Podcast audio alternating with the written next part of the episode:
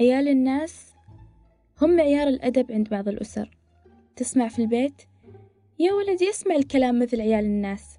أو ودي أشوف ولدي الأول على مدرسته مثل عيال الناس. من يكونون عيال الناس اللي نبي عيالنا يصيرون مثلهم؟ وإحنا ما غرسنا فيهم ولا قيمة. سلسلة مقارنات واتهامات وكأننا نبيهم متربين بالتقليد مو بالاقتناع. موضوع عيال الناس طويل وواحد من الأشياء اللي تقهر أي شخص عاقل في أي مجلس هو الشخصية اللي ينتقد عيال الناس وتصرفاتها وأشكالها وأساميها. إيه؟ أساميها.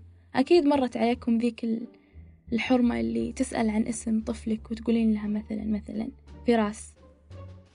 وتبدأ تبدع ويطلع حس الفكاهة وتقول لك فراس ولا فرجل؟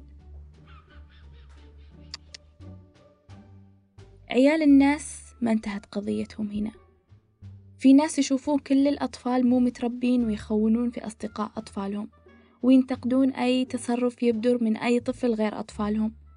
حتى لو أطفالهم يقومون بنفس التصرف. تناقض عجيب في الشخصية والرأي.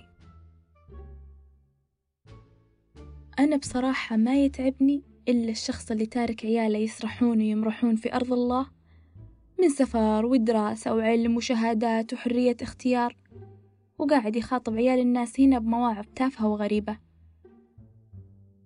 مرة حرام الاختلاط وعيال برا مرة روحوا جاهدوا مرة الملائكة لابسين أبيض ويحاربون مدري وين. وإحنا للأسف نصدقهم.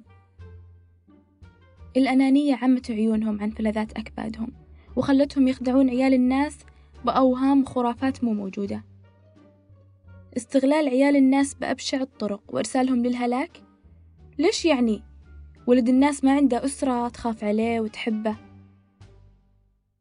طيب إذا أنت تحب عيالك ليش ما تبي لهم حور عين مثل ما تقول للشباب؟ ليش مطلعهم بعيد عن الصراعات نسيت أسألك كم تتقاضى مقابل جر عيال الناس للموت؟